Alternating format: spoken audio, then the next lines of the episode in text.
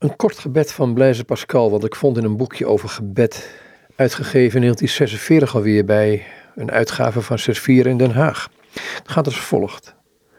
Maak mij God dat ik alles wat gebeurt in een onveranderde geestesgesteldheid aanvaard.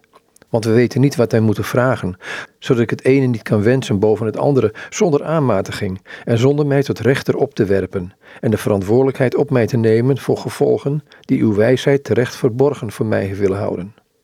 Heer, ik weet dat ik slechts één ding weet: dat het goed is u te volgen en verkeerd is u te grieven. Overigens weet ik niet wat van alle dingen het beste of het ergste is. Ik weet niet wat heilzaam van mij is: gezondheid of ziekte, bezit of armoede, of iets anders ter wereld. Het inzicht daarin gaat het vermogen van mensen en engelen te boven. Het ligt verborgen in de geheimen van uw voorzienigheid, welke ik aanbid en niet wil doorgronden. Aldus Blaise Pascal.